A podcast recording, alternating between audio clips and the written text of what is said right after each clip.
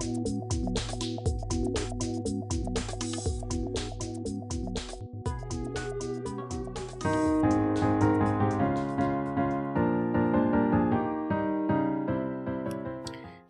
och välkommen till Bokföringspodden med mig Annika från Speedledgers e-bokföringssupport. Och Anton från Nystartad. Idag ska vi prata lite om vad man behöver göra i bokföringen när bokföringsåret börjar ta slut. Vi är ju inte riktigt där så att eh, först ska det bli jul och allting sånt där va. Men jag kan ju tänka mig att många säkert funderar kring det här. Eh, ja, julbord, julklappar och eh, även då med kunder och anställda och sådär. Man kan göra. Ja, julklappar är ju alltid trevligt. Det tycker jag i alla fall. Eh, Men som precis allt annat just i företags och bokföringsvärlden så finns det ju regler man ska förhålla sig till med det här. Och när det gäller anställda då så är det så att man får ge bort julklappar till anställda och styrelseledamöter eh, som, som skattefritt, alltså det är ingen Mm. förmån då, om värdet på den här gåvan inte överstiger 450 kronor inklusive moms. Okej. Köper man någonting dyrare än så och det räcker med att det är en krona dyrare, Mm. så 451 kronor inklusive aj. moms, Ja, det gäller att hålla det då. då blir det en skattepliktig förmån hela julklappen. Eh, och det kanske inte är jätteschysst att känna att man ska skatta på sin julklapp. Nej, det känns ju sådär va. Tappar ju värdet lite Ja. grann. Så köper du julklappar till dina anställda, håll dig till 450 kronor inklusive moms. Och bokför det mot ett konto som heter 7690, övriga personalkostnader. Just det. Och sen kan det ju vara bra att känna till det här med att en julklapp till anställda inte får vara då kontanter, checkar, postväxlar eller presentkort som kan bytas in mot kontanter. Då. Eh, presentkort som inte kan bytas in mot kontanter är okej då. Säg ett presentkort på H&M eller något sånt där. Va? Eh, så att eh, ja, det är bra att tänka på det. Precis. Att man inte ska kunna byta in dem mot rena cash, men Nej, men mot precis. nästan vad som helst Ja. annars. Och det kan man ju förstå. Annars blir det som en... Ja, det blir som att Pengar ge bort pengar. liksom. Ja, precis. Det är lite grann det det handlar om. Mm. Eh, sen så kan man ju ge julklappar till kunder också. Eh, men där ska man vara lite försiktig. Eh, då det här kan riskera att anses som en muta. Och det här är normalt inte en avdragsgill kostnad. Men om det är så att den här julgåvan överlämnas i samband med någon typ av affärsuppgörelse. Då är den avdragsgill. Så länge den inte kostar mer än 180 kronor exklusive moms. Och då bokförs det här som en representationsgåva. Just det, där har alla chokladlådor och sånt Alla som choklad- är på rimlig prisnivå. Liksom. Precis, där pratar vi nog ungefär om ett rimligt värde. Ja, Och det här bokförs då mot 6073 representationsgåva avdragsgill. just det. Och sen har vi det här med jul- julbord.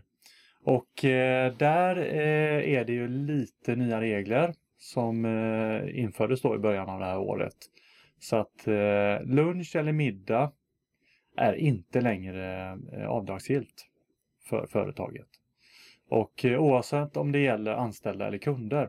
En viss del av momsen kan dock vara avdragsgill. Alltså vill du bjuda dina anställda på julbord så blir det inte en avdragsgill kostnad. Eh, men för att det däremot är en skattefri förmån för den anställde. Precis, så är det. Och är det så att du känner att det är viktigt att representationen ska vara avdragsgill, ja, då är det fika som gäller. Och det är ju faktiskt säsong för lussebullar så här års. Precis. Ja, men då har vi ju rätt ut lite grann kring de vanligaste julfunderingarna i bokföringen, tänker jag. Eh, men sen kommer vi ju då till nyårsafton. Och eh, det börjar ett nytt år och allt så här va. Vad är det man ska tänka på då? Ja, alltså innan vi då gräver ner oss i det här med ett nytt bokföringsår så vill jag verkligen förtydliga man ska inte sitta med bokföringen på nyårsafton. Det här är en av de vanligaste Det missuppfattningarna. känns inte som en bra idé att sitta med skumpat där och, och försöka lista ut hur man ska göra. Nej, alltså jag tycker faktiskt inte det. Eh, utan fira nyår i lugn och ro eh, så tar man tag i det här kanske lite före eller mest Mm. troligt lite efter Ja. nyår. Kanske Ingen- inte nyårsdagen heller. Nej, inte nyårsdagen heller. Det tycker jag faktiskt inte. Eh, de händelserna som vi kommer gå igenom nu kommer ha bokföringsdatum den 31 i 12. Men det betyder inte att man måste sitta och knappa in dem den 31 i 12. Gud vad skönt. Så att eh, ni kan känna er lugna. Fira nyår som vanligt. Då har vi rätt ut det. Ingen nyårspanik för den sakens skull. Så att eh, när det väl är dags att avsluta bokföringsåret så finns det i alla fall ett par saker man behöver gå igenom. Det första är att man behöver bokföra klart alla sina löpande händelser eh, som man haft under året.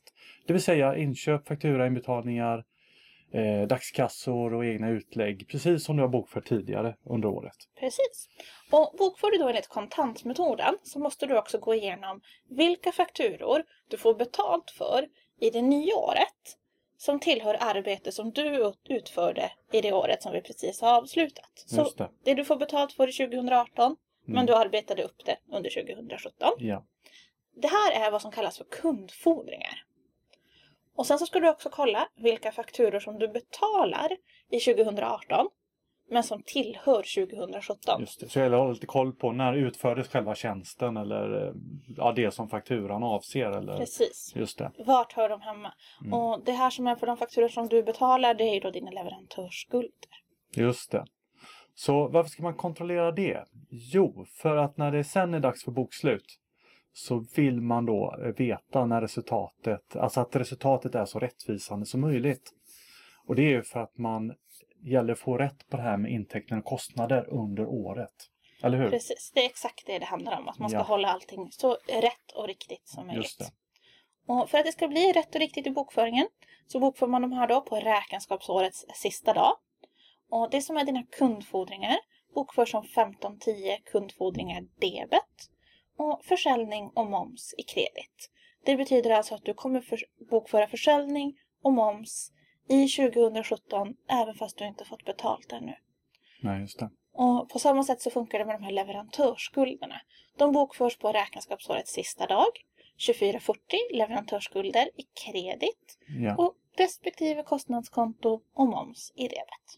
Eh, om du bokför enligt fakturings, faktureringsmetoden så gör du detta löpande under året och då behöver man inte göra någon extra justering av kundfordringar och leverantörsskulder vid årets slut. Precis, då gör man det här hela tiden. Medan i kontantmetoden så gör man bara det här i slutet av året. Just det. Men har du faktureringsmetoden så behöver du ändå göra lite andra avstämningar. Du behöver kika på din leverantörsrestkontra och din kundrestkontra. Och vad är de då för någonting? Jo, det här är en sammanställning av dina obetalda leverantörsfakturor respektive dina obetalda kundfakturor. Och det du behöver kolla det är att det som står i de här rapporterna faktiskt är obetalt. Så att det inte ligger några obetalda fakturor som inte visas där eller betalda fakturor Mm. som ligger kvar. Just det. Och det här har vi också som allt annat en webbkurs om när det gäller just avstämningar som du jättegärna får kika på och ta med dig lite tips och tricks. Och den här webbkursen hittar du inne på minbokforing.se. Precis. Gå in och kika där. Eh, men hur är det med bokslut? Är det någonting man kan göra nu eller hur ser det ut? Bokslutet kommer ju lite längre fram. Det är ju närmare våren eller sommaren beroende på vad man har för bolagsform. Så det är onödigt att stressa kring det nu. Eh, Det är ju först när det här bokslutet närmar sig som man kommer gå in lite djupare på de här sista delarna man ska avsluta när det gäller periodiseringar, avskrivningar och bokföra årets resultat och allt sånt där. Ja, just det. Vad skönt. Och tycker man att det här är krångligt så kan vi passa på att tipsa om att bokför du i Speedledger så har vi en tilläggstjänst till bokföringen som heter just Speedledger Bokslut. Mm. Och det som är så bra med den det är att det är en konsult som hjälper dig att göra det här. Och har du en enskild firma eller ett aktiebolag så har du möjligheten att lägga till den här tjänsten till ett fast förmånligt pris. Just det. Och det, det är ju kanon att kunna slippa och hålla på med sånt där och bara lämna bort det. Och vill ni läsa mer om det så kan ni gå in på speedledger.se bokslut. Så enkelt är det. Det är ju helt fantastiskt då eh, att, att man kan få hjälp. Eh, har du däremot ett varulager av något slag så måste du inventera det i anslutning till sista dagen i bokföringsåret. Detta så att du har ett korrekt lagersaldo för året när det närmar sig bokslut. Precis, det är viktigt så glöm inte bort det. Ni har säkert sett det när man vill handla någonting på nyårsdagen att det är stängt på grund av inventering. Och det har sina anledningar. Just det. Bra! Men ja, det var väl ungefär allt Ja. vi hade va? Jag hade en sista grej. Jag vill gärna passa på att tipsa lite grann om nystartad.se. Där ni som funderar på att skaffa bolag eller är mitt uppe i det kan få massa bra tips. finns mycket bra appar, lönekalkylatorn och så vidare. Så gå in och kika där. Men annars så tycker jag vi rundar av. Ja, och så vill vi passa på att önska er en riktigt god jul Ja, och ett såklart. gott nytt år. Självklart! God jul och gott nytt år! Och trevlig bokföring! Trevlig bokföring!